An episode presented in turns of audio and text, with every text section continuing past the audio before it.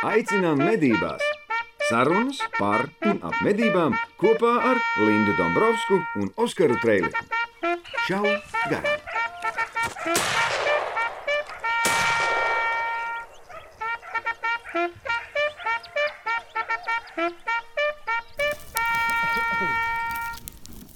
Sija ieroči.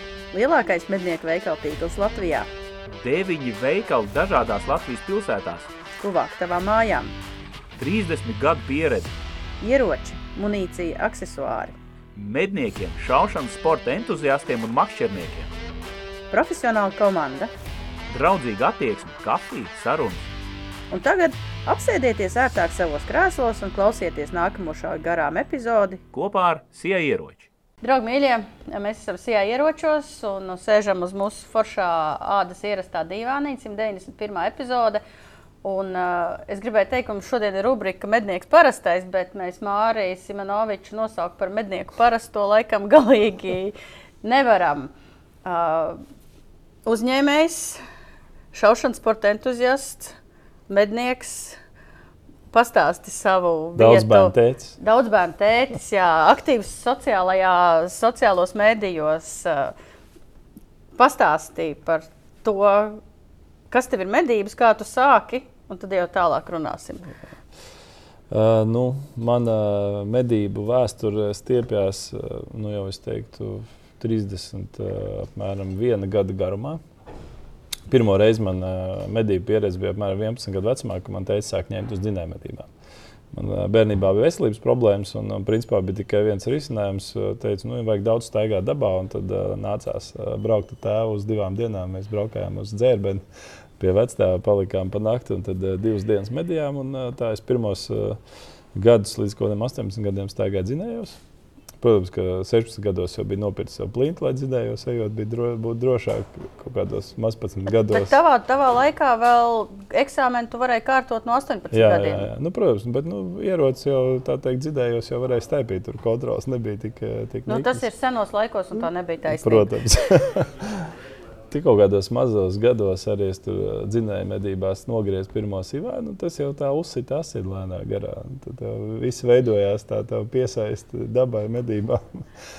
Un, uh, nu, tāds turpinājās. Tad, uh, tad es iepazinos ar savu sievu topošo tajā brīdī. Viņa, protams, bija kategoriski pret medībām. Tad es kaut kādus dažus gadus uh, aktīvo fāzi savā dzīvē izlaidu, ieroči stāvēja laukos uh, seifiņā. Un, uh, protams, pēc uh, papīriem es ar medībām nenodarbojos. Bet, nu, tāpat tās mēs uh, braukājām ar, ar tēvu un, un onkuli un aktīvi medījām. Bet, nu, Nestāstīja. ne, nevienam nestāstīja.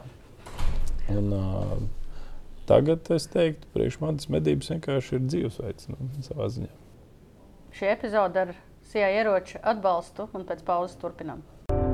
Šāva garām jaktei būt! Mēs esam Sijā ieročos un ā, jaunumi augustam no Sijā ieroči, kas ir galvenais tuvojās pīļu medību sezona.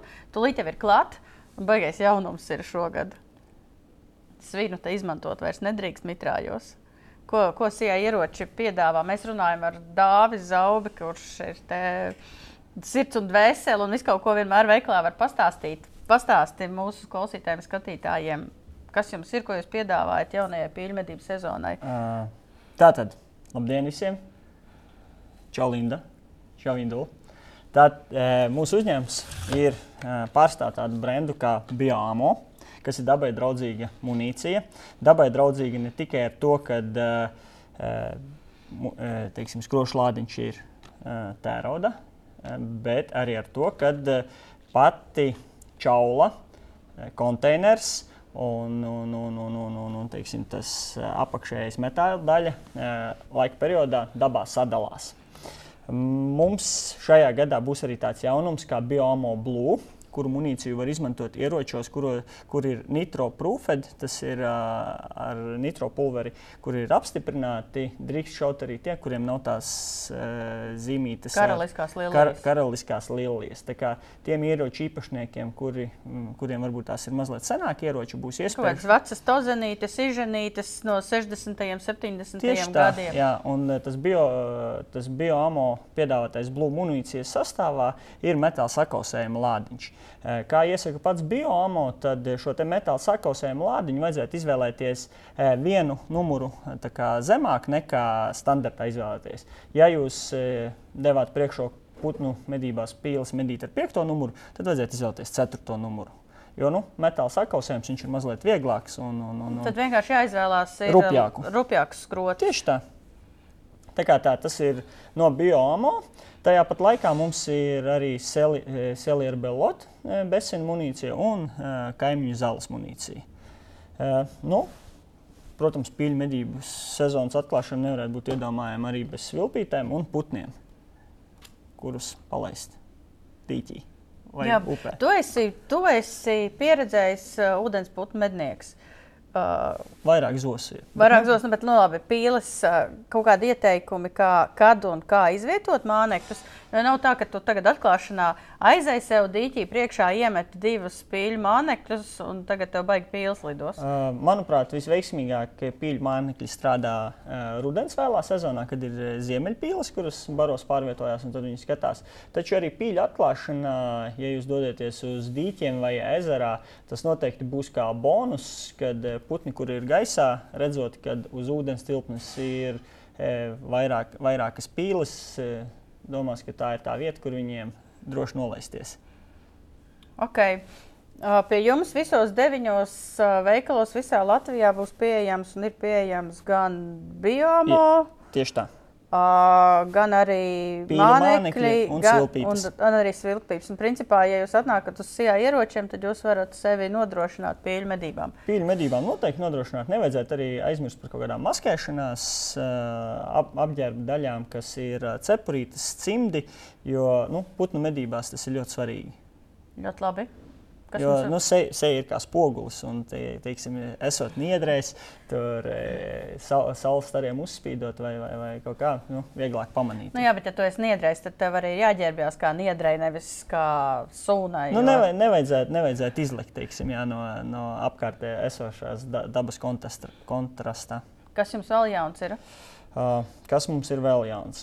Pamazām gatavojamies jau nākošā mēneša lielajai aktualitātei, kas ir stalbriežu un āļņu sezona. Visos veikalos ir briežu taures. Tajos, kuros varbūt tās līdz kādam veikalam, kas tālāk no mūsu nokļūtos, vēl nav atnākuši, tad pavisam drīz viņas parādīsies. No jaunuma mums ir parādījusies RVS Drive and Hunt munīcija, bezsvina, kas ir bezsvina munīcija īpaši izstrādāta dzinējumedībām. Viņa ir ar diezgan eh, plakanu priekšējo galu, līdz ar to tas eh, bezsena munīcijas lādiņš atverās ātrāk vaļā. Uz pašreizējo brīdi ir divos uh, populārākajos kalibros - 3006, 308. Tā kā tiem, kuri vēlās pamēģināt kaut ko jaunu, uh, būt, būt, būt teiksim, tādās aktualitātes priekšā, ir iespēja pamēģināt. Nu ko, pārlādējam! Pat, pat tad, ja sieva teica, nē, tu baigi ilgi nevarēji bez tā izturēt. Nu, protams, ka nē, tur bija tāda smieklīga epizode. Es biju jau nopircis liekas, pirmo pusautomātu Browningu, kaut ko sāku saprast no šaušanas, kādos 23, 25 gadu. Ah, nē, bija vairāk, kā 28.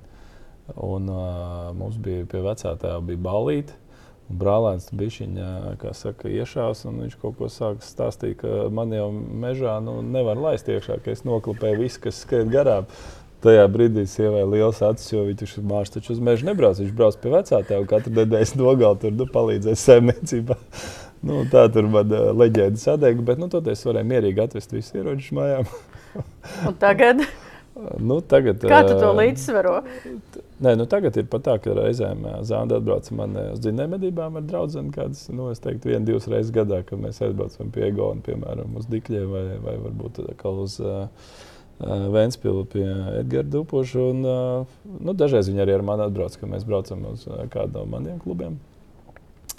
Un šobrīd, principā, jā, nu, tas līdzsvars ir iestājies. Arī dēls sāk izrādīt kaut kādu interesi. Kas saka, šaušanas sports ir ienācis manā dzīvē pēdējos dažus gadus. Un, es teiktu, ka ne, nu, ir forši. Es vienkārši baudu to, ko es daru. Tas ir baigi labi, jo tā, mēs runājam, mums arī ir otrs podkāsts, ķeram lielo par copi. Tad Džeks sēž arī uz dīvāna. Viņa visu laiku runā par to, kā, tad, kā vākt tos plusiņus un tos bonusiņus, lai sievas ir laimīgas. Jā. Kā tu to dari? Nu, es, te, teiksim, es mēģinu sabalansēt. Protams, mums ir skaisti ģimenes atvaļinājumi kopā. Un, man arī medības, man liekas, tāda lieta, nu, teiksim, es braucu medīt, tad, kad es jūtu, ka ir pienācis brīdis, nevis pēc kaut kāda konkrēta grafika. Nu, tagad tas īstenībā nebija bijis kādu brīdi. Uh, es aizbraucu, man liekas, pirmo reizi pirms kādām divām vai trim nedēļām, teikt, paskatīties, kas dabā notiek, paņēma draugus līdzi. Uh, Nebija vienkārši tā, ka karstumā, karsts laiks, karsti zvēri. Nu, nav kaifa. Man vislabāk patīk tā, ka ir bijis apmācījies, bijis lietiņš. Tad zvēriem patīk kustēties. Un, uh, ne tīpaši pēc lietus. Jā, jā tas, tas moments, kad lietas beidzās, man liekas, tas tas pats labākais. Zvēri viņi sagrib iziet ārā, un tu ļoti jā, lielu saulīt uzspīd. Jā, jā, jā. Nu, tas ir tāds. Uh, Īstenībā manā medību karjerā bija tāds, es teiktu, tāds moments, ko varētu saukt par apziņotību ko es darīju. Es vienkārši sēdēju turnī. Un, uh, daudzus gadus pierakstīju katru medību vakaru. Nu, teiksim, kāds vējš, kāda saule, tur uh, zvaigznes, kur iznāca, kur neiznāca. Un es kādus divus, trīs gadus uh, to diezgan daudz nodarbojos. Plus es arī Facebookā tur reizēm uzrakstīju kādu interesantu sentenci, ko manas sieviņa vēlāk visu apkopoja, nopublicēja mazā grāmatiņā priekš mājās lietošanas. Un, uh, ko es sapratu priekš sevis? Man šī iedziļināšanās tajā, kas notiek, uh, radīja tādu iekšēju informācijas bāzi, Nu, teiksim, es apsēžoties turnī, mūsdienās diezgan labi var pateikt. Eh, pat nezinot vietu, kur kas varētu nākt, no kurienes ņemot vērā. Piemēram, būs vai nebūs. Jā, jo tu mācies lasīt dabu, tu mācies saprast, no kurienes pūš vējš, teiksim, eh, kur būs eh, pilnmēnesis ēna, vai jūs skaidrs, ka zvērs negribēs nākt ārā no tās meža ēnas, piemēram. Ja? Tāpat tās takas, jau ejot dzinēju medībās, liekot, teiksim, mednieks, tu jau redzi, kur ir kaut kādas pārējas, kur ir taciņas. Nu, tu pievērs uzmanību tam meža lasīšanai. Ja? Un, uh, tas ir tas, ko daudz mednieki mūsdienās nedara. Viņi, manuprāt, nu, nelasa mežu. Jā. Tas tāds, varbūt skan ļoti augstprātīgi, bet ir tāda nianses, ka tev ir jāsāk lasīt mežu, jāpiesfiksē pie sevis, uh, nu, teiksim, uzrakst, ko tu redzi. Un pēc tam uzrakst secinājumu, no kurienes varētu iznākt. Un tad sāc prognozēt un saprot, nu, lai varbūt ne pirmajā gadā, ne otrajā, bet medījot tur 3, 4, 5 gadus, īstenībā ļoti labi sākt saprast, kas notiek mežā. Jā, tā ir. Man tas reiz ir jautājums, kādā laikā vispār nav vērts iet uz mežu. Es, man, man, mans novērojums ir, kad pūš austrumu vējš, nekā nav. Zini, es pat teiktu, ne tik daudz, varbūt nu, pilnmēnesis. Es teiktu, ir ļoti interesanti. Piemēram, Vācijā mēs braucām medijām tieši pilnmēnesī ar parasto dienas optiku. Naktī tur var šaut, kamēr tur redz mēģis, nomedīs tumsā, piln, nu, pilnmēnesī skrejošu kuili, teiksim, dienas optiku. Labs pilnmēnesis bija. Nē, iemācījies drusku savādāk skatīties caur optiku, kā atfokusēt tā aci. Mhm. Tad tu ļoti labi redzi to fonu bildi un uh, uzliec maziņu, maziņu sarkano punktiņu, un to var izdarīt. Uh, arī divas sivēnas vienā šāvienā nomedīja tajā reizē. Nu, bija diezgan rezultātīvs vakars, bija trīs cūkas un uh, stirna vēl bija pa gaismu. Tā, un viss ir parasto dienas ceļš, ja, pilnmēnesī. Latvijā nu, man liekas, tā, ka ir pilnmēnesis, tad zvēriem kaut kā īsti nepatīk. Mums zvēriem tomēr patīk uh, drusku tāds tumšāks laiks. Uh, vējš, nu, drīzāk es teiktu, nav svarīgi tas, cik, no kurienes viņš pūš, cik tas, cik viņš stipri pūš. Ja ir ļoti spēcīgs vējš, es pamanīju, ka tomēr viņiem arī nevisai patīk. Tur, Protams, ja ir tāda vidēja brāzmiņa, man liekas, tas ir pats labākais. To var izvēlēties brāzmas virzienu, nolasīt lauku, pieiet attiecīgi. Tāpēc, pieņemsim, turnīšu. Nu, jā, tā tevi arī īsti nedzird, kad ir vējš. Tā, jā. Vēl tā nianses arī par turnīšiem. nu, mēs vēsturiski likām, teiksim, viens tornis uz lauku. Jā kas man patīk, medījot Vācijā, piemēram, un arī savā platībā sabūvējis, ka tu uzbūvē uz vienu lauku daudz dažādas turnīšus. It kā liekas, jā, pārbagātība, kāpēc tu tur nezinu, 5 hektāru lauku, 3 torņā. Bet atkarībā no vēja, tu vari izvēlēties, kurā turnī sēdēt. Tā lai tu vienmēr sanāc pareizajā vējā pret to vietu, kur tu domā, ka tie zvēri nāks ārā visvairāk. Un tas, protams, ļoti būtiski palielina tavas izredzes gan nomedīt, gan pamainīt pozīciju medību procesā, ja vajag. Uh, Nu jā, mums jau parasti ir viena, viena, viena medību vieta, viena barotava un viens tornis. Un tad arī tajā tornī sēž un sēž un sēž un sēž un nesaprot, cūks kamerā ir, kad tu sēdi cūku nav. Nu, te es teiktu, ka vairāk jautājums, kāds tas tonis, jā, vai tev ir siltināts tonis, vaļējs tonis, no kurienes pūš vējš, kā viņš pūš caur tavu toniem. tur man liekas, nav tik viennozīmīgi. Man, protams, ir arī slēgtie torņi. Uh, tur es teiktu, lielākā problēma ir tas, ja tev ir uh, piemēram slēgts tornis.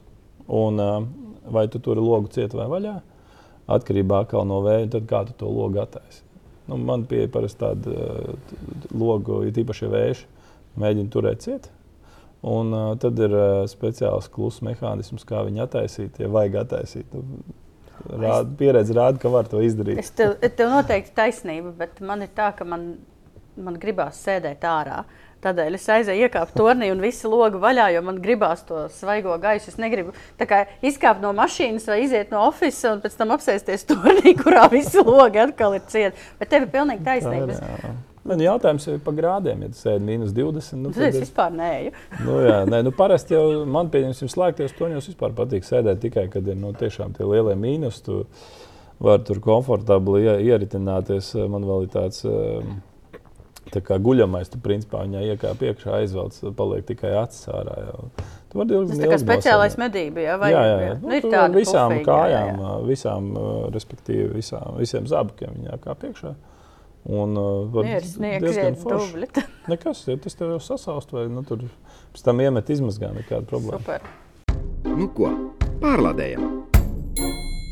Labi, pie medībām un šaušanas mēs vēl atgriezīsimies, bet uh, ikdienā ko tu dari? Tu esi uzņēmējs.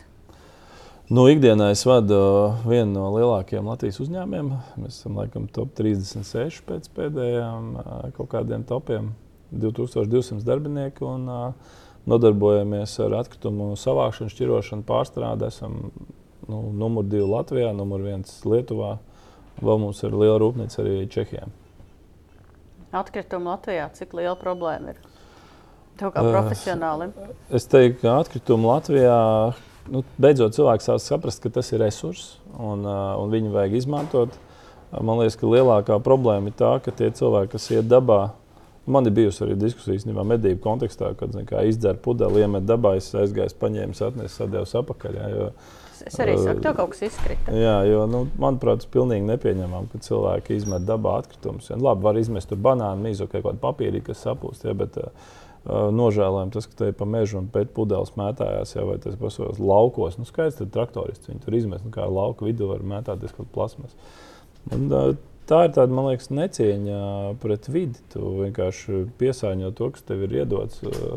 Tavas dzīves laikā to pabaudīt, nu, tev jādzīvo tā, ka es tev nepaliek nekādas pēdas, sašķiro visu pārstrādāju nu, mēs nedrīkstam dzīvot uz nākamo paudžu rēķinu. Es domāju, tieši atkrituma kontekstā tas ir ļoti izteikti. Jā.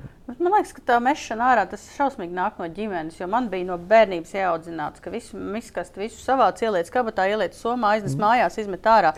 Es pat staigāju pa mežu, man ir pilna mašīna, pēc tam savākt jā. kaut kādām sapļatskātām pudelēm, čipšu maisiņiem, tāpēc ka es tā kā savācējs. Nu, es nevaru atstāt to plasmasu. Bet jūs ar savu depozītu sistēmu man esat problēmu radījuši. Man šobrīd stāv trīs milzīgi maisi ar pudelēm, ko es nevaru aizvest, nodot. Nevaru saņemties. Es krāju un krāju, bet nevaru aizvest. Nu, tā, tagad būs jauna aparāta, kur tur atbraukt uzreiz iebērt visu to maisu iekšā. Viņš saskata. Jā, tā kā depozīta sistēma arī iet uz priekšu. Nu, savādāk tagad es iedomājos tos trīs maisus pa vienai pudelei. Nē, tas ir laiks, es tev piekrītu. Man ar šī problēma pastāv, tāpēc iesaist bērnus. Viņi tādā veidā tiek pie kabatas naudas. Tagad ar to jauno depozītu sistēmu tā situācija uzlabojās mežos, laukos vai tāpatās? Nu, Zini, grūti pateikt. Es domāju, ka teorija saka, ka nu, maznodrošinātie un teiksim, saka, cilvēki bez noteikti dzīvesvietas vāc pudeles. To mēs redzam. Mēs redzam, ka cilvēki vāc pudeles, lauž vaļā konteinerus, lasa ārā un es nodot. Ja? Tā kā es domāju, ka kopumā situācija uzlabojas. Protams, vajadzētu pacelt to depozītu maksu uz kādiem nezinu, 20 centiem, tad arī cilvēki būtu aktīvāki. Ja mēs salīdzinām Latvijas depozītu sistēmu, piemēram, pret Igaunijas, Igaunijas depozīta sistēma strādā labāk, ja cilvēki nes vairāk.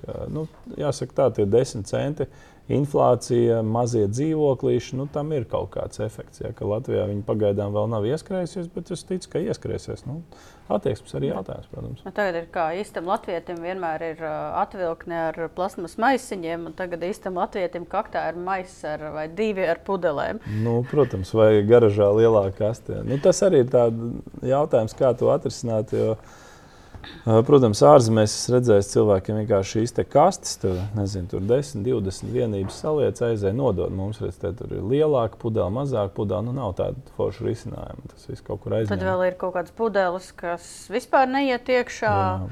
Tad uh, atbrauc no Vācijas, Polijas mašīna pilna pudelēm. Viņas nav kur bāzt, tāpēc ka viņas tās vācu pudeles nedara. Nu, viņas tagad uh, pie visām depozīta aparātiem, principā arī maisiņš, kur tu vari Pēc. ielikt to, ko neņem. Galvenais ir saņemties, aizvest viņus uz to depozīta atdošanas punktu.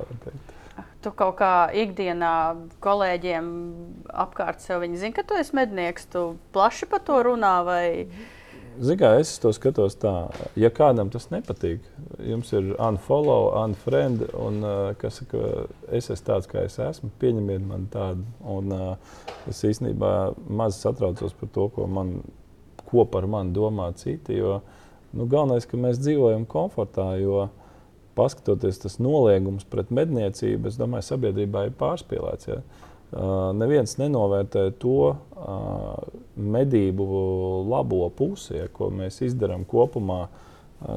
Nu, labi, ir, protams, dažādi mednieki, ja, bet es teiktu, ka lauvas tiesa mednieku ir ar diezgan augstu ētiku. Attiecībā gan uz medību saimniecības uzturēšanu, gan uz to, kā mēs medījam, ko mēs medījam, kā mēs uzturam šo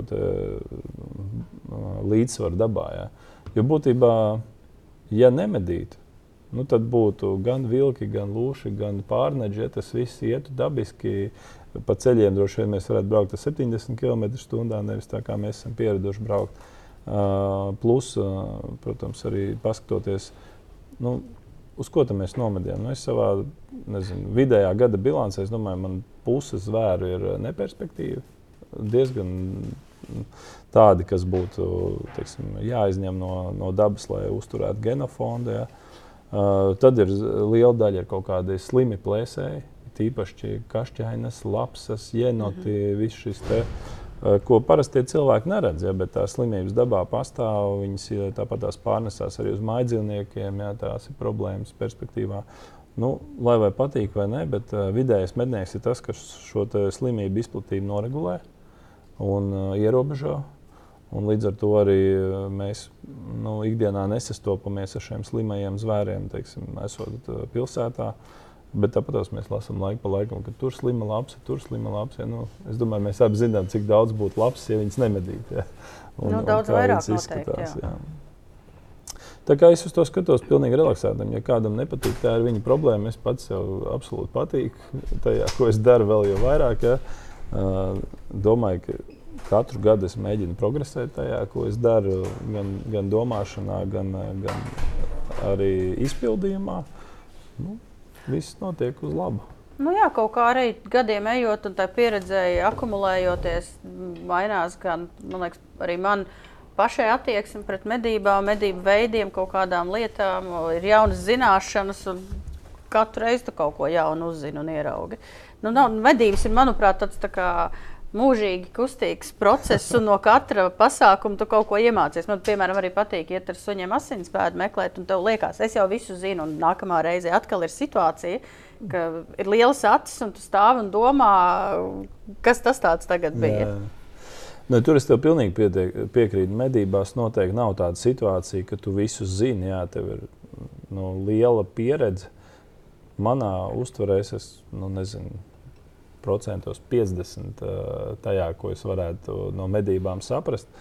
Man šķiet, pats galvenais ir zināt, kā arī un pārliecība tajā, ko tu dari. Nu, teiksim, gan darbībās ar ieroci, gan uh, darbībās ar suni mežā, gan arī teiksim, darbībās attiecībā pret zvēru. Jo visas problēmas rodas tad, kad cilvēki nav pārliecināti, ko viņi dara.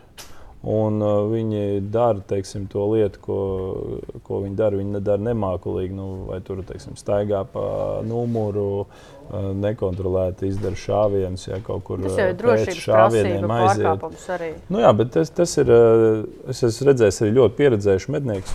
Varbūt pēdējos gados tā situācija būtiski uzlabojas, ja, bet uh, tāpat tās ir cilvēki, kas Atceros, agrāk bija normāli.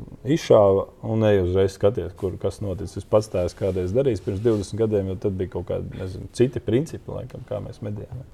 Bet uh, arvien vairāk ienāk arī filozofija no ārzemēm.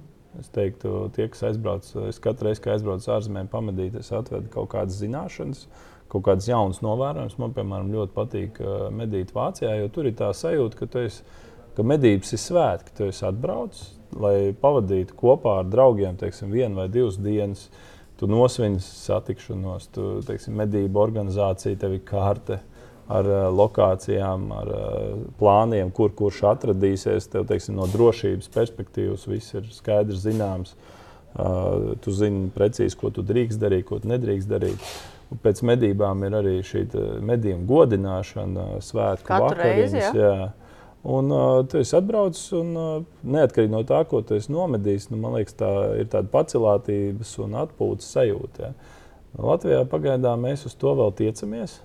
Nu, tā daudz ir vietas, kur Ir vietas, tas kur ir, jā, ir vietas, kur ir, bet uh, tomēr daudzos, es teikšu, lauku klubos uh, nu, ir vēl ļoti tāls ceļš ejams līdz tai svētku sajūtai. Kā tu salīdzini, kā tu vērtē atšķirības starp uh, medībām Latvijā un Vācijā? Kas ir tas, ko mēs varētu uzreiz paņemt no Vācijas, un kas ir tas, kas tev tur īsti nepatīk? Um, ko mēs varētu uzreiz? Es domāju, tieši no medību plānošanas un organizācijas viedokļa šī mastu kartēšana nu, un numurēšana, ja, ka teiksim, visas medības notiek tikai no turnīšiem, no paaugstinājumiem. Ja. Tas man ļoti patīk. Uh, Plus uh, mums ir vēl viena medības atzīšana. Vācijā ir pārsvarā medības ar traucēšanu, ja, kur mednieki atrodas uh, arī objektā iekšā, mastā. Un šis zvērs, nu, pēc manas pieredzes, pārvietojas daudz lēnāk.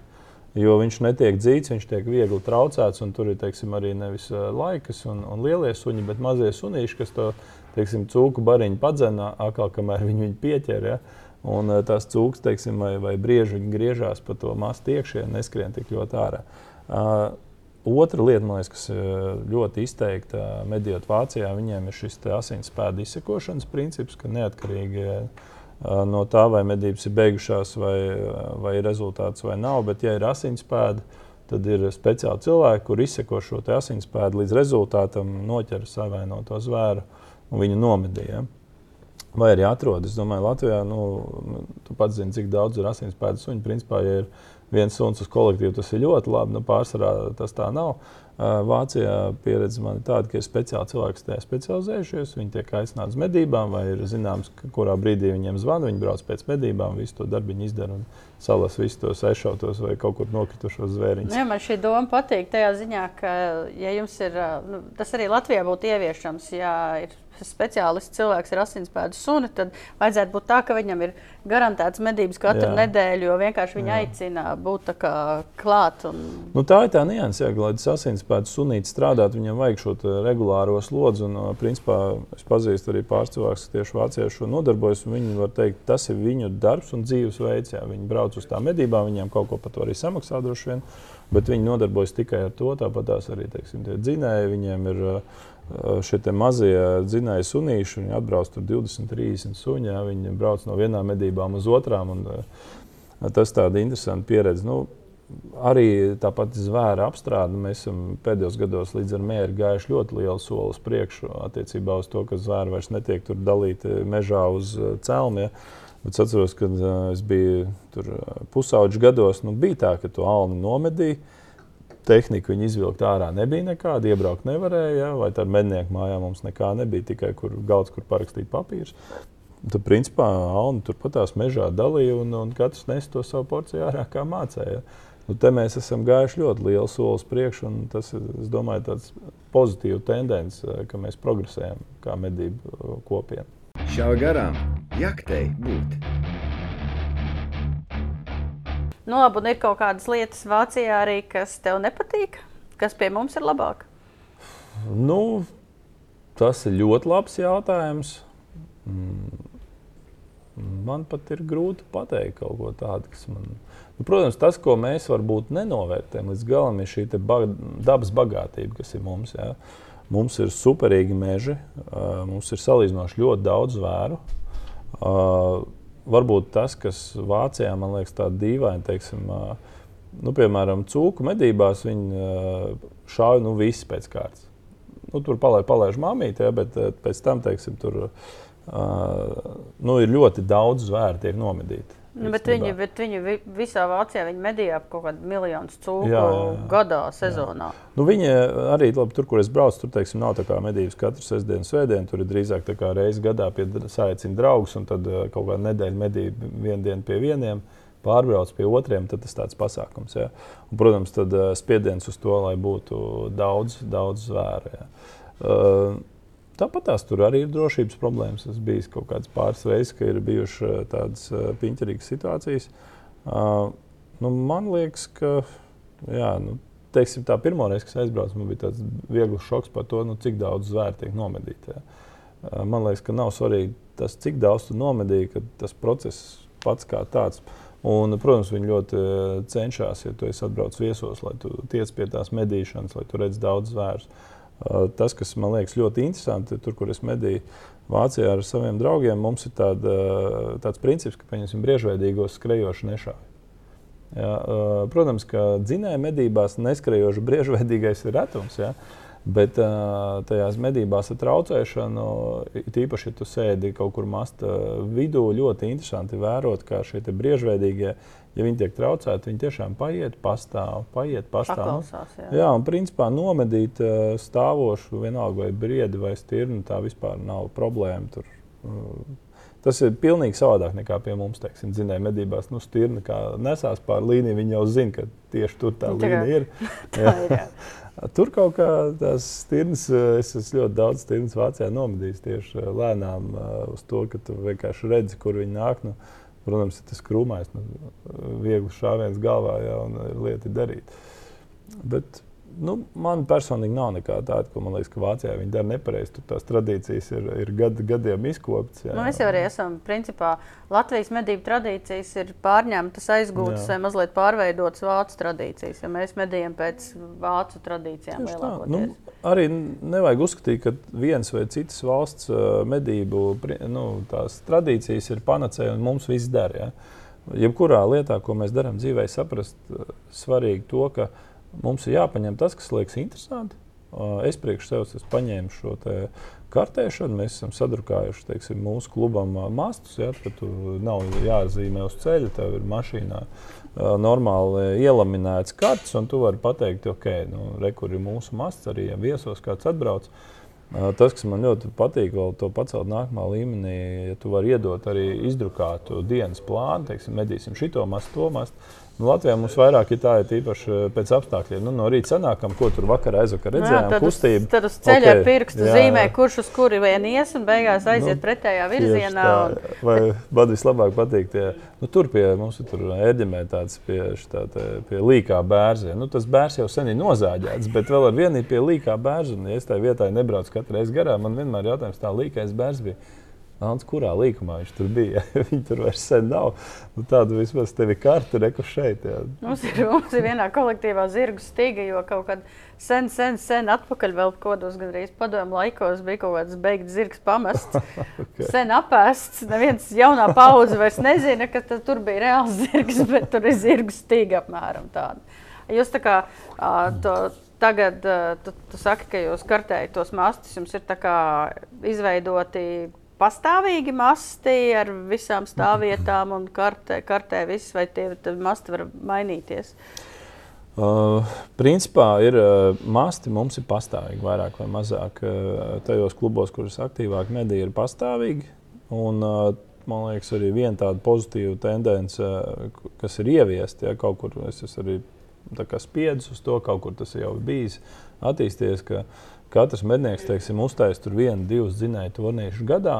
Uh, piemēram, Ezerkalnos mums ir sadalīts tur, uh, pa, pa grupām. Katra grupa atbild par kaut kādu mastu, kur sagatavo numurus, sagatavo turnīšu un uh, sagatavo vārnkājas. Ja. Protams, tas prasa darbu, protams, tas prasa resursus un laiku, kas man personīgi ir milzīga problēma. Es domāju, ka tajā atkal noteikti pavērsies tāda perspektīvā iespēja, ka cilvēki, kas zina šo lietu, un viņi vienkārši samaksā, viņi aizbrauc to izdarīt. Ja. Jo es domāju, ka medību baudi tajā, ka tu apstājies, tev ir sagatavots numurs, tu zini to mežu.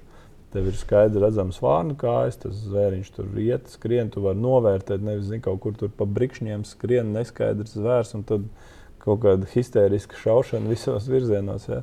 Nu, tas, ko daudz mednieku nesaprot, ka var arī nenospiest. Jā. Tā man liekas, vēl viena tāda lieta, pie kuras mums, kā mednieku kopienai, visiem kopā jānonāk, ka nenospiest pa zvēru ir vislabākais risinājums. Nu, es saucu par svītu saturēšanu. Jā, jā daudzās situācijās. Bet uh, kopumā jā, tas turnīšu būvēšana, uh, kas būtiski at, atvieglo arī medību procesu un uzlabo kvalitāti šaušanai. Jā, tā ir. Tā infrastruktūras ierīkošana ir uh, ļoti būtiska. Un tu teici arī, ka tu esi pēdējos gados aizrāvies ar šaušanas sportu. Ar ko un kāpēc un kā sokās? Uh, jā, nu es sāku vienkārši braukt uz šautuvu, jo es slikti šāvu. Principā. Pirms daudz, nu, teiksim tā, es nebiju pārliecināts par to, ko es daru. Uh, savulaik sāku medīt ar agru ribu un, un uh, kandavāju ar šautu, un tur arī regulāri kaut kādas sacensības. Tur Agris man pamācīja, pastāstīja nedaudz par šaušanu, iedeva šo sajūtu. Ja. Sākām mēs tiešām ar tām kandavas šautos apmeklēšanas, ar salīdzinoši regulāri. Un, nu, tas kaut kā ar vien vairāk ieņēma vietu manā dzīvē, jo, redziet, tu šauji visu laiku pa mēģi, tev pēc tam ļoti daudz darba ir mežā, ja tu esi nomedījis, tad jābrauc jādīrā. Tā, principā, kā mēs zinām, medībās ir divas lietas. Viena lieta ir tas adrenalīns, ko tu iegūsti eh, vienkārši sasniedzot mērķi, otra lieta ir, ka tu esi dabā un, un dari kaut ko.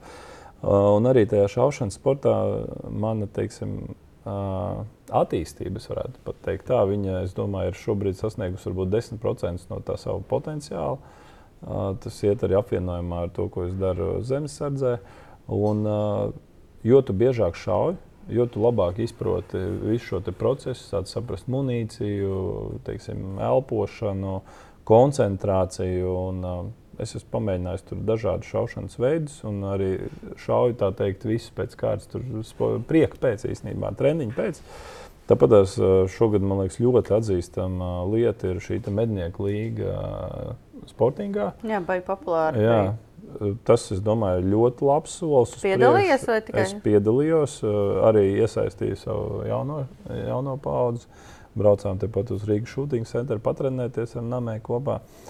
Ko tas dod? Nu, Sāksim tā, teiksim, sportings, manuprāt, pirmkārt, tev vispār iedod to kustību. Ja? Tu iemācies kustēties, šaut uh, pa kustīgu mēķi, un neatkarīgi vai tu šaus putnus vai tu šaus dzinējumedībās. Ja? Uh, Tas, es domāju, iedod ļoti labu bāzīti tam, ka tu vienkārši pārzini savu ieroci, pārzini, kā sasniegt rezultātu.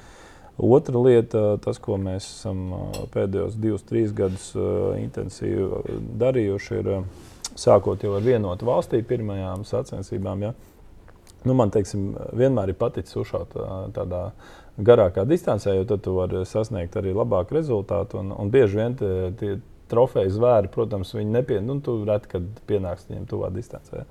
Nu, pēdējie desmit gadi es eh, priekš sevis vairāk koncentrējos tieši uz uh, trofeju medīšanu, nevis tur gaļas iegūšanu. Ja. Bet Tad, gaļa jau tu nemet ārā. Nē, gaļas apstrādāja līdz pēdējiem. Ja. Tad, uh, protams, šis process prasa no tevis uh, zināmas uh, pārliecību tajā, ko tu dari, saprast, kāds kalibrs, stobrs, optika, munīcija un tā tālāk. Nu, un, protams, vienot valstīm, man liekas, ir tāds ļoti labs formāts, kur tu vari vienkārši pamēģināt sev dažādās disciplīnās. Nu, tad secīgi no vienotas valstīs arī pārgāju uz šo 300 metru sniperu šaušanu, līdz šajā šaušanā, kur uh, divos gados, nu, tāds divus gadus startēju. Domāju, pirmajā gadā man ļoti veiksmīgi izdevās uzreiz dabūt sporta meistaru.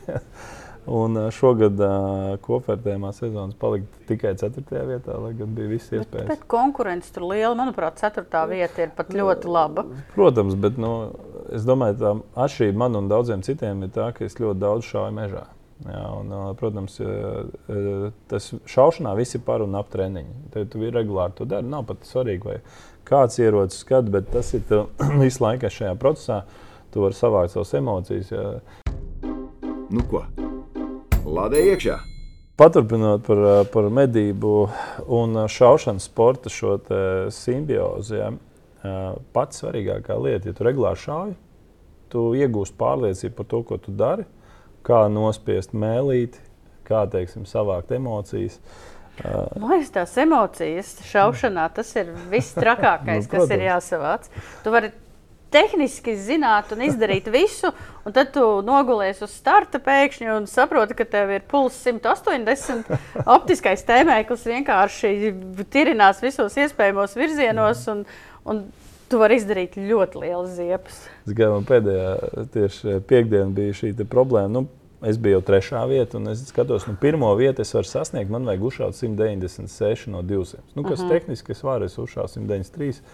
Mēs tur treniņos šāvām tur, nu, 19 uh, flomīšu punktiņus no 20, starp citu, ar Vilnu Jaunzemi uh, Mārklīčos. Ja.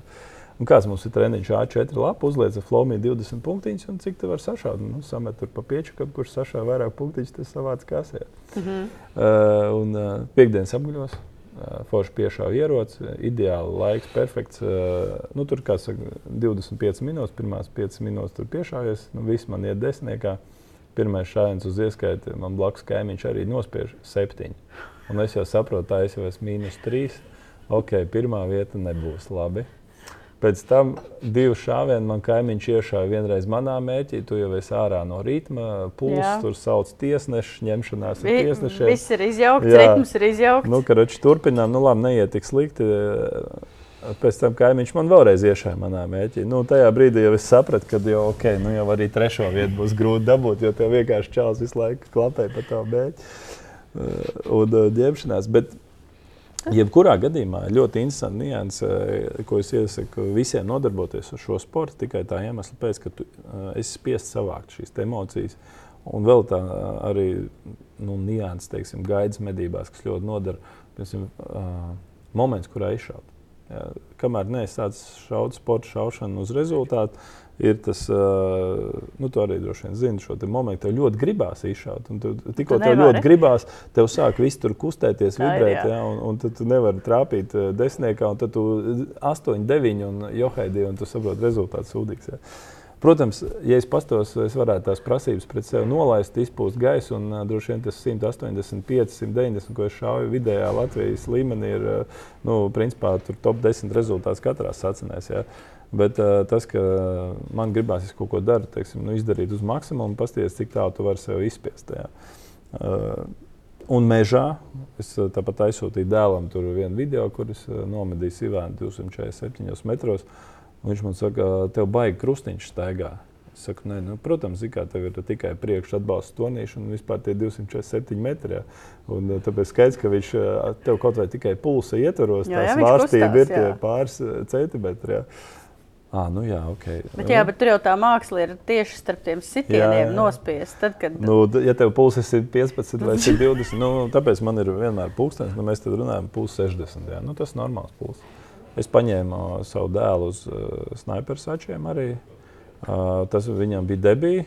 Es neatceros, viņš kaut kāds 160 sašā. Es domāju, ļoti labi priekš puikas, kas jā. ir 17 gadi un viņš īpaši to netrenējis, apgulās izšāva pats pirmo reizi. Principā, jā. Tas ir tāds labs rādītājs. Jā, tas ir baigi labi. Nu ko, pārlādējam! Ir daudz diskusijas bijušas ar tiem uh, zaļajiem, un mums ir pārmetumi, ka medniekiem viņiem taču ir optiskie tēmēkļi, un tur karabīnas, un viņam ir viegli izšaut 400 uh, metros un brīžiem kājas pa gaisu. Pastāsti to ideju, kā tu vari savienot uh, tās zināšanas, ko iegūst taušaušanā, jo Latvijas apstākļos izšaut 300 metros nesanāk baigi bieži. Un tos medību apstākļus, kā to visu salikt kopā, kur, kur tas līdzsvars, kāpēc medniekiem vajag šaut, pamēģināt tajos 300, 400 kaut vai kilometrā izšaut. Tas ir ko tu esi uh, jā, no tā nu, visa ieguvis. Zinām, ok, monētā ir divas puses. Pirmā lieta, es atceros pēc saviem pirmajām uh, šaušanas sacensību sezonām. Es ieguvu ļoti lielu pārliecību par to, ko es daru. Man bija kaut kādi pirmie 20 zvēri, visi tur galvā kaklā. Nu, tev tīra gaļa, viss forši nav jāmeklē vispār. Un tad es aizšāvu garām lielam kuilim, kurus meklēju nu, trofejniekam. Un domāju, pēc tam, kāpēc es tur šāvu tajā galvā. Tas ir nu, liels korpus, jau var iešaut korpusā. Man šķiet, ka viena lieta, ja tu regulāri nodarbojies ar šaušanu, tu vari tiešām izdarīt kvalitīvu šāvienu, nāvējošu. Zvēram nav jāmokās, uh, viņš nav nekur jāmeklē nu, jāsaka, tā es no visiem saviem nezinu, pēdējiem simts zvēriem. Pagājušajā gadā skaitīju, ka es uh, pēc diviem šāvieniem uh, neatradu zvēru. vienā uh, dzinēja medību situācijā, jā, kaut kas ļoti mistisks situācija. Briežu govs aizskrēja Igaunijā, pastījāmies asinspēdu, neatradām. Ar suņiem pameklējām, bet sāka lietas līt. Un otra situācija bija tāda, ka pēc tam paskatījos video, kas vienkārši bija pāršāvis tam kuilim pāri, ka viņš krita iekšā grāvī. Nu, atradu, tur bija viņš hodā skrēja, atradu spāles, jā, un pēc tam iztaigāja. Viņš tieši šā vien brīdī bija ļoti veiksmīgi iedirs. Bet tā, tā teiksim, principā nu, man nav tāda. Jā, ja es spiežu šo ieroču sprūdu vai, vai mēlī, tad es diezgan precīzi zinu, kur es trāpīšu. Un, ja man nav pārliecība par to situāciju, tad kā jau teicu, iepriekš labāk nenospiest. Jā. Protams, ir eh, dažādas situācijas, un dažreiz varbūt tā pārliecība arī traucē, jo nu, bieži vien izdodas nomedīt to zvēru situācijās, kur citi nenomedītu, un tad reakcija atkal ir duāla. Es eh, aizbraucu uz parasto lauku klubu, kur cilvēki pieraduši šaut 50 metros ar gludo, un tu nezini, noliec tur 150, 200 un 300 metri, tad ir pārsteigums. Jā, un, Oi, kāpēc tu vispār tur šauji? Bet no otras puses, sakal, eh, ja mēs reizēm taisām dzinēju medības, kur mēs esam 3-4 mednieki, viens dzinējs. Un teikšu, tā vidē rezultāts mums tāds pats kā teiksim, klubā ar 25 medniekiem, ja, kur skrien aļņu bars un uh, izšāju tur, nezinu, 4-5 ir pilns ar asinspēdu. Pēc tam nākamā dienā atrod būli grāvī, kaut gan šāva pa teļu vispār citā virzienā. Ja. Uh, tā kā te ir kaut kāds tas uh, mīkslis. Uh, Es domāju, ja tu šauj sportā, ja tu trenējies, tad tev nav pirmkārt tā iekāra izšaut, jo tu jau šāvis, tu zini, ka, nu, kā tas notiekās. Otrs, uh, uh, tur šauj daudz labāk. Nu, tur, uh, protams, skrejoša cūka vienmēr būs tur, kā saka, kāds trāpīs dibenā, neatkarīgi no tā, cik tu tur trenējies. Ja. Bet kopumā šāvienu kvalitāte būtiski uzlabojas.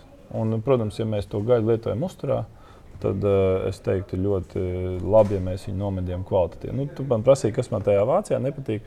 Tur zinājumās diezgan daudz medīju, teiksim, 9 mm vai 8,5 mm reizes 45. laikam bija tas uh, tāds populārs kalibrs. Un, uh, teiksim, nav svarīgi, varbūt gaļas kvalitāte, jo pēc tam ļoti labi apstrādāt, vienkārši lai to zvēru dabūtu lejā. Un tad, nu, teiksim, tas damage tur stirnā ieliek, ka 9 mm ir nu, šausmīgi. Jā, jā. Teiksim, tas man liekas tāds. Nu, ka mēs īsti neredzam, vai teiksim, 3, 3, 8 blāzeri mākslinieks arī man tur partneriem tāds populārs kalibrs daudziem. Nu, tu tādu ieliec, tur stirnē viņi vienkārši sadalās. Ja. Nu, es esmu pats nopircis tur priekš sporta salšanas 338 lapā magnumu tieši priekš šīm lielajām distancēm, pamēģināju viņu mežā. Nu, jāsaka tā, tas uh, nomedīšanas efekts ir nereāls. Ja, vienkārši uz vietas paliek.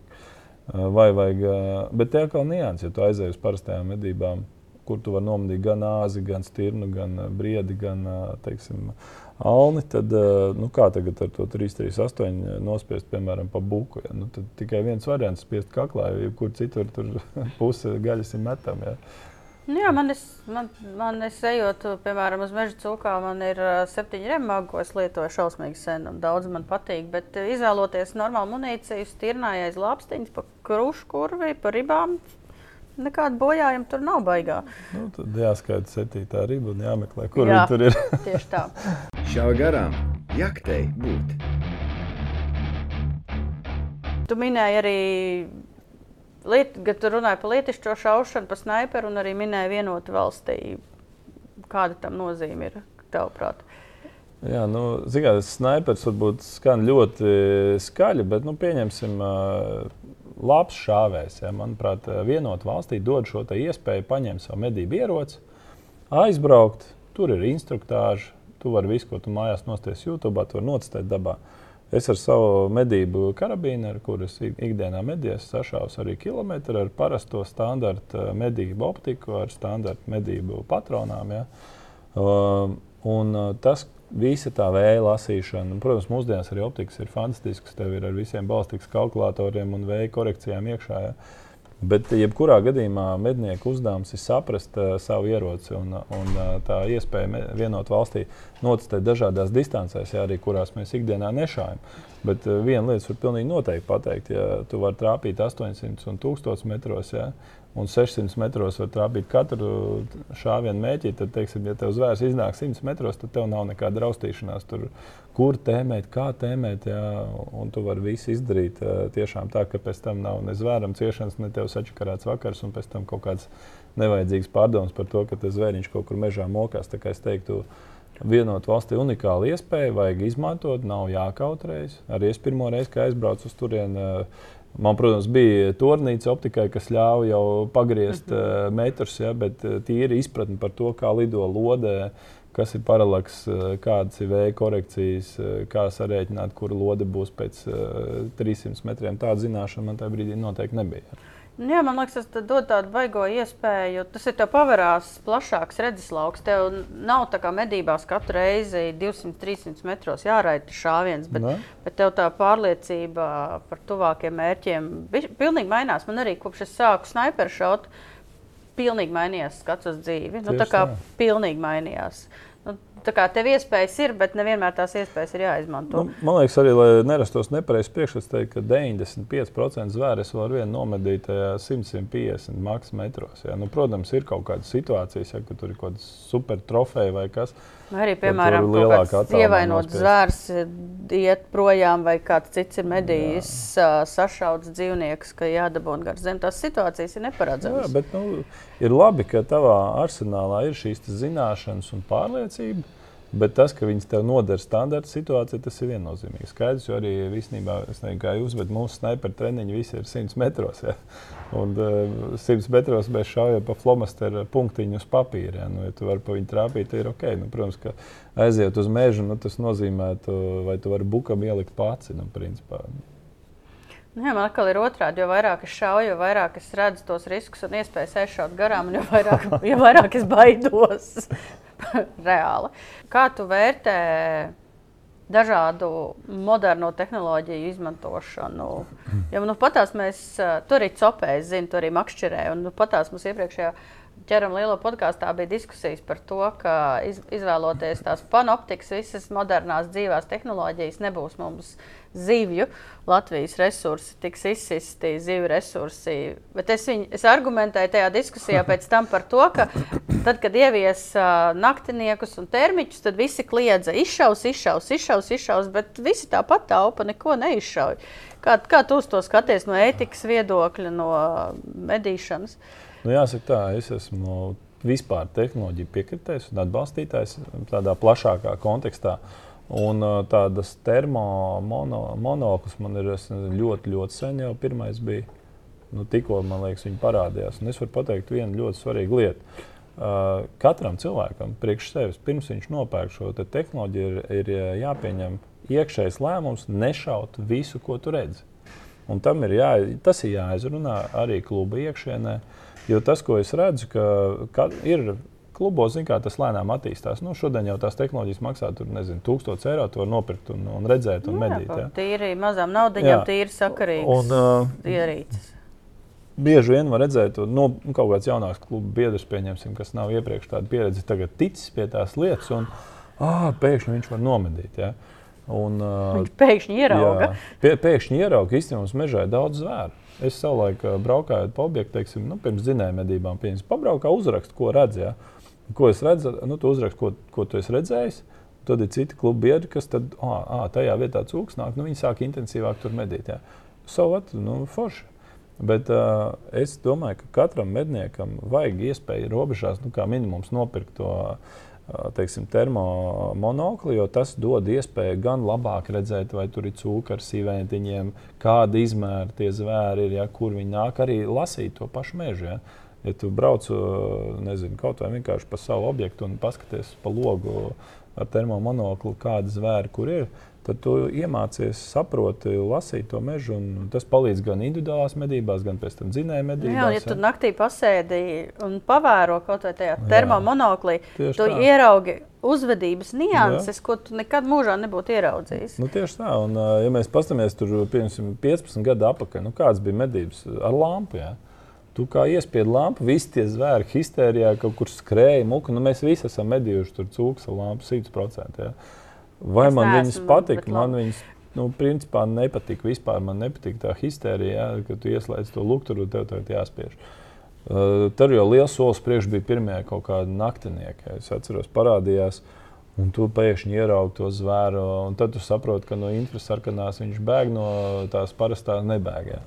Nu, protams, man ir arī tas naktas tēmeks, nu, kaut ko es viņu esmu nomedījis, bet uh, nu, es tomēr esmu vairāk termotēmekļu piekritējis. Ja? Jo tieši no tā aspekta mūsdienu termotēmeks tev ļauj ierakstīt, tu vari at, apskatīties, ja viņš kaut kur ieskrēja. Uh, Mežā ļoti viegli atrast vietu, kur viņš ieskrēja, arī redzēt. Nu, ierakst arī dažādi, teiksim, to redzēt, kur tu trāpīji, kas bija tavs kļūdas īstenībā. Tur, man liekas, informācija, ko tu vari dabūt no vidējā šī te termotēmekļa, ir vienkārši fantastiska. Nu, un vēlreiz gribu pateikt visiem, ir jāatcerās, ka tev nav jāšauj pa visu. Ir dota tā iespēja mums pielīdzināties zvēriem, redzēt, vienkārši priekš sevis ir jābūt svina savaldīšanas instinktam. Ja? Un, uh, man personīgi patīk tas, ka es aizbraucu uz mežu, es redzu daudz zvēru, un es nomedīju vienu procentu. Man liekas, tas ir ļoti daudz. Jā, man bija diskusija Twitterī ar vienu stipru zaļu cilvēku par to, ka jūs tur ejat, jūs tur daudz šaujat, vēl kaut kas tāds - mednieks jau nemazām tik daudz nešauj. Mēs nomedījām pavisam nelielu daļu no tā, ko mēs vispār redzam. Un tad saka, A, ko tad, tad, jūs, tad jūs viss tā būtība ir tas, ko tu saki, ir pretrunā ar to jūsu principiem, tad medības vispār nav vajadzīgas. Saku, pagaidi, kas tad ir? Kas ir, tad ir jāmedī vai nav jāmedī? Ja medī ir slikti, ja nemedī ir slikti, nu tad izdomājiet, ko jums vajag no galu galā. Nu ko, pārlādējam. Te ir vēl viena problēma. Pastāv vēsturiski. Nu, piemēram, medijām visi tur gludējiem optikām, nu kā sanāca. Ja? Uh, Kāds bija medību rezultāts? Nu, tu iespiedi lampu, nospiedi. Vai tu trāpīji? Kur tu trāpīji? Nu, skatījos, kas tur nokrita. Un, uh, kas nokrita? Cik, es domāju, vienkārši tas apjoms uz zvēriem, kas aizgāja mežā, mežā savainot, ir milzīgs. Jā. Praktiski jāsaka, tā no lielajiem kuģiem, ko es pat dzīvoju nomedījis, gandrīz katram ir bijuši kaut kādi iepriekšēji trāpījumi. Jā. Tagad arī pēdējais, ko es nomedīju, viņam bija nu, vēsturiski kaut kāda trauma kājai bijusi jā. vai sašauta vai kas cits. Un, uh, tas vienkārši uh, mūsdienās izmanto šīs te tehnoloģijas. Ja tu to apvieno ar treniņiem, tu pārzini optiku ieroci, un tu vari nomedīt vienkārši bez lieka stresa to zvēru, kuru tu gribi nomedīt. Vai sagaidīt? Vai arī. sagaidīt, jā, un tev nav obligāti pa visām varītēm jāspiež pa pirmo, ko tu esi ieraudzījis. Jā. Es domāju, gan no trofeja kvalitātes, tas uh, ja no, no, novienojas, teiksim, audzēt tos uh, meža cūku trofejus, tu vari to izdarīt. Ja? Nu, protams, šobrīd pie ACM par to neviens nedomā. Ja? Nu, jā, sanāk, tas sanāk. Jā, bet arī tā pati krēsla un, uh, un briežu medības vai kas, es domāju, ar termotu jau laicīgi redzi, viņš tur kaut kur krūmos tur tusējās vai, vai nezinu, nāzīs kaut kur laukā noslēpies. Ja?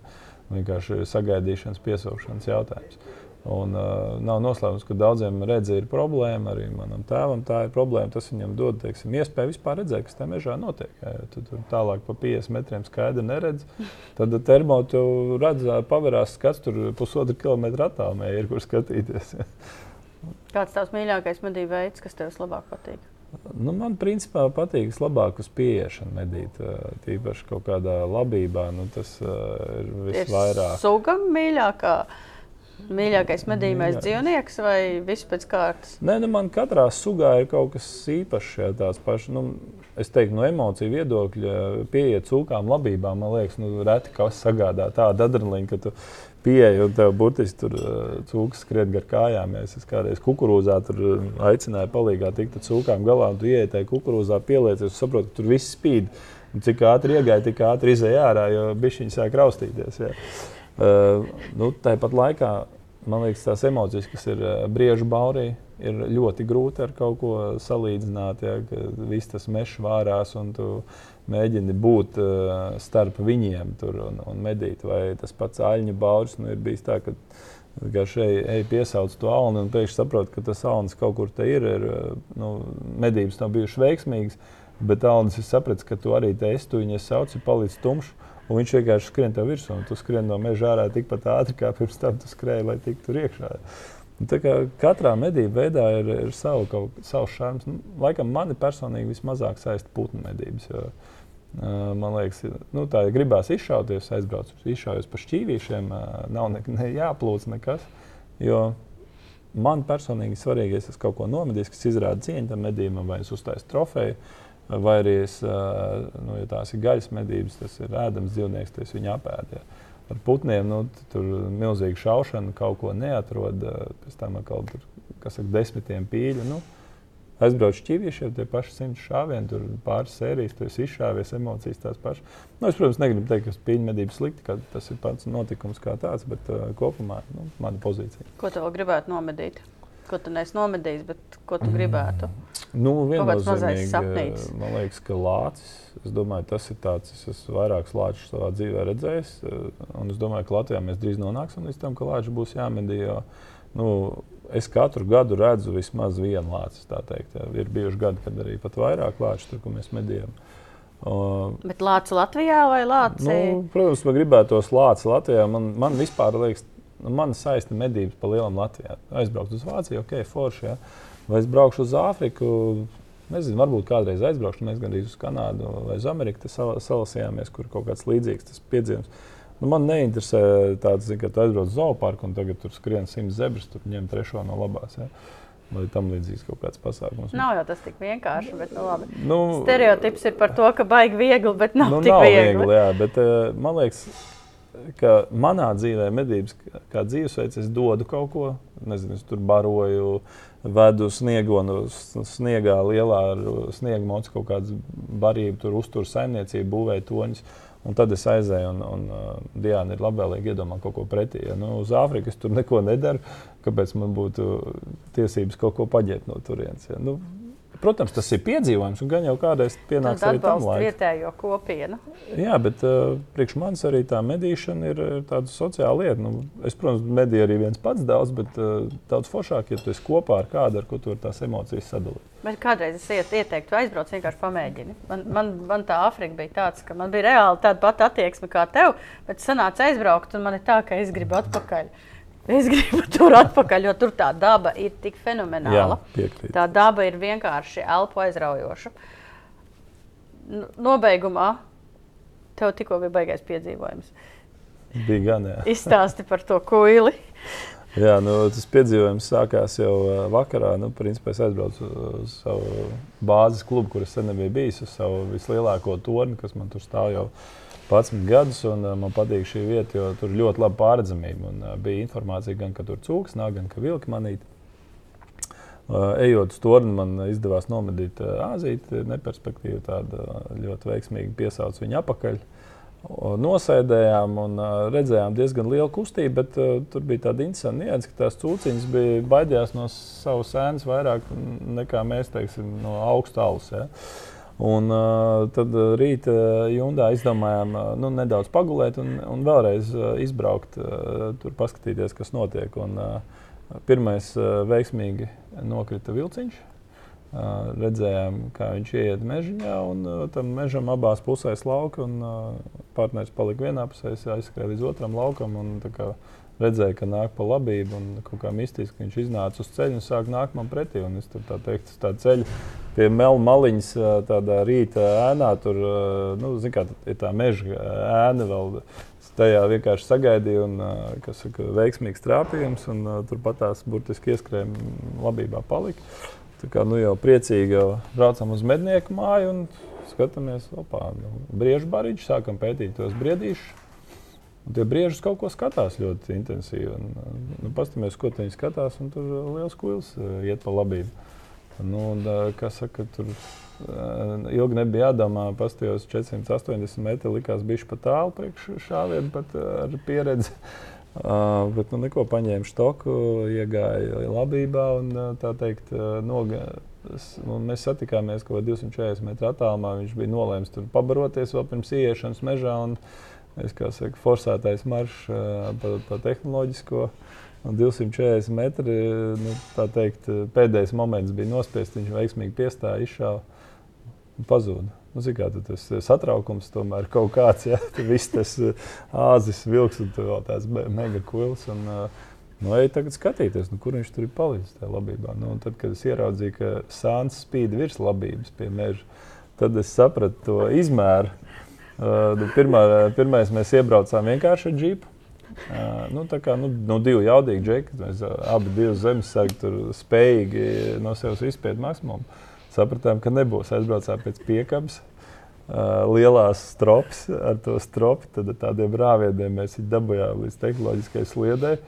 Un tad vislielākais piedzīvojums bija dabūt tajā piekabē, jo divi tā mēs viņu nevarējām dabūt. Atlaistā piekabē, nu, kaut kā tur muļājām ar rāvieniem, rāvieniem, un tad iedabūjām. Nu, principā, divu pusmetrīgā piekabē bija visā garumā, gandrīz pilna. Es domāju, viņš virs 200 kg stabils. Nu, tā ziņā nu, nu, galvas garums jau bija tāds, ka bija skaidrs, ka šis ir ēdis ilgi, tur auzas un zirņas. Vareni. Nē, nu tas tāds iespaidīgs piedzīvojums. Pēc tam Bračka atzinās, ka viņi bija viņu banījuši ar iepriekš, bet nu, kaut kā laikam attāluma nesakritības ir vērts trenēties. Un, man liekas, šajā stāstā ir smieklīgais tas, ka es nomedīju to āzīti. Es tieši tam čomam saku, baigi interesanti. Nu, mēs tur sēdējām, vien, viens lauks otrā galā. Saku, nu, nav trofejas. Nu, tur viss kaut kas bija. Tur lielāks cūks, mazāks, bet lietas līja un, un ļoti tālu jāpagaida, kad tas laiks nomierinās, un jābrauc no rīta. Un, nu, kad kaut kādam jābūt, jo visi kolēģi mums čatā liek, tur visu laiku kuilīši, tur divgadīgi, trīsgadīgi bērni, un es nevienu kuilēnu vispār neredzēju. Nu, tur pārklājums, tur simts hektārus var redzēt. Nu, redz, kā beigās viss sakrita. Tāds jūlijā hetriks, jau labs āzīts, ļoti, liela, ļoti liels vilks. Un vēl nu, mega kuilis. Tas jābrauc šodien. Tev bieži tā gadās? Pacīnīties. Kā, man liekas, ka medībās ir tā tēma, jo vairāk eh, veltīji tam laika, jo vairāk tu nomedi arī trofejas un vēl arī netērēt laiku teiksim, nu, kaut kādām. Ne, nu, protams, ir situācijas, kad nezinu, vajag gaļu, bet nu, tur arī bija iespēja nomedīt briežu teļu. Es saku, nu, ka nu, briežu teļš man točni 100% šodien neinteresē. Es domāju, ja es būtu tajā brīdī sācis fokusēties uz to briežu teļu, nu, kas būtu arī izdarām lieta, tad uh, noteikti es to kūlu nebūtu ne redzējis, ne nomedījis. Ja. Un tāpat arī ar to vilku. Nu, mums tur bija iespēja aizbraukt noteikti uz lauku. Nākamais lauks bija cūks. Zināms, ka viņas tur arī nāk un posta, un viņas noteikti tur no rīta arī bija. Bet kā, likās prioritāte paskatīties, ka, kas tas par zvēru tur uh, ir. Un beigās tas bija vilks. Jo nu, tieši tajā pirmajā momentā vēl bija tāda krāsa, nevarēja uzreiz saprast precīzi, vai tas ir. Kā, kuilis vai, vai, vai stirna, jo viņš ieslīdēja tādā mežiņā. Burtiski mēs viņu redzējām pirmos, pēdējos divus metrus pirms mežiņa. Un otrā pusē jau tam mežiņam bija skaidrs, kas ir. Nu, ir vienkārši jābrauc uz mežu, ir jālasa mežs. Un, jo mēs vairāk laika veltīsim mežam, jo es domāju, arī ir tas rezultāts. Un, nu, un nevajag laist garām labs. Es vienmēr ir iespēja novadīt tur mazos plēsēs, vienkārši treniņš iesildīt stūri. Man ir bijis pāris reizes tā, ka tu nomedīji labs un, un pieceļās, pieņemsim, trofejas āzīts jau kaut kādi daži metri nu, vai simts metri tālāk. Nu, tas tev dod papildus iespēju nomedīt arī trofeju. Nu, ko? Tev jābrauc, ir tagad jāapstrādā medījums. Jā, jāsagaida Ozoliņa kungs, kurš atbraucis paskatīties uz vilciņu tūplānā. Ja jūs gribat arī paklausīties uh, vēl par to, ko Mārcis ikdienā dara, viņam arī ir podkāsts Diena pēc. Diena pēc ilgspēja. Tur mēs runājam par to, kā cilvēkiem ir uh, jādzīvo saskaņā ar, ar mūsu paudzē piešķirtajiem resursiem. Jā, tā varētu teikt. Kā atstāt aiz sevis pēc iespējas mazāk nospiedumu un tāpat mīlēt dabu, uh, šķirot atkritumus, izmantot kaut kādas ilgspējīgas pieejas savā ikdienā. Tā kā jā, 191. epizode šodien sadarbībā ar CIA ieročiem. Mēs visi šajā nedēļas nogalē tiksimies Minhausenā. Bet mēs jau esam tikušies, jā, tas ir tā. Tad, kad mēs ierakstām, tad mēs vēl tikai tiksimies. Mums vienmēr ir tā, ka pagātne ir nākotne, nākotne ir pagātne. uh, Tūlītās arī sākās pīļu medību sezona. Nākat uz CIA ieročiem, te ir visādas lietas arī pīļu medībām. Uh, ir iznācis augusta žurnāla medības numurs. Tur ir par svinu, vai drīzāk par bezsvinu, ka tagad ir jaunums, ka šī ir pirmā sezona, kad svinu, svinu munīciju vai svinu skrotis uh, mitrājos izmantot nedrīkst. Bet tur ir tāds milzīgs bardaks, un neviens neko īsti nesaprot, un problēmas vairāk nekā risinājumu. Tiekamies atkal nākamnedēļ. Visticamāk, būs epizode no Minhausena liekat īkšķīšus laikus, uh, raidiet mūsu izplatījumā. Šodien mēs runājām ar Mārciņu Simonoviču, kurš noteikti nav mednieks parastais. bet uh, tiekamies nākamreiz, piesakojiet, un pats galvenais, ko es vienmēr saku, nemēslojiet mežā, nemēslojiet nekur, ja jūs redzat, ka kāds to dara, aizrādiet un savāciet savus sūdzes. Tieši tā. Ņemamies nost. Masts beidzies. Música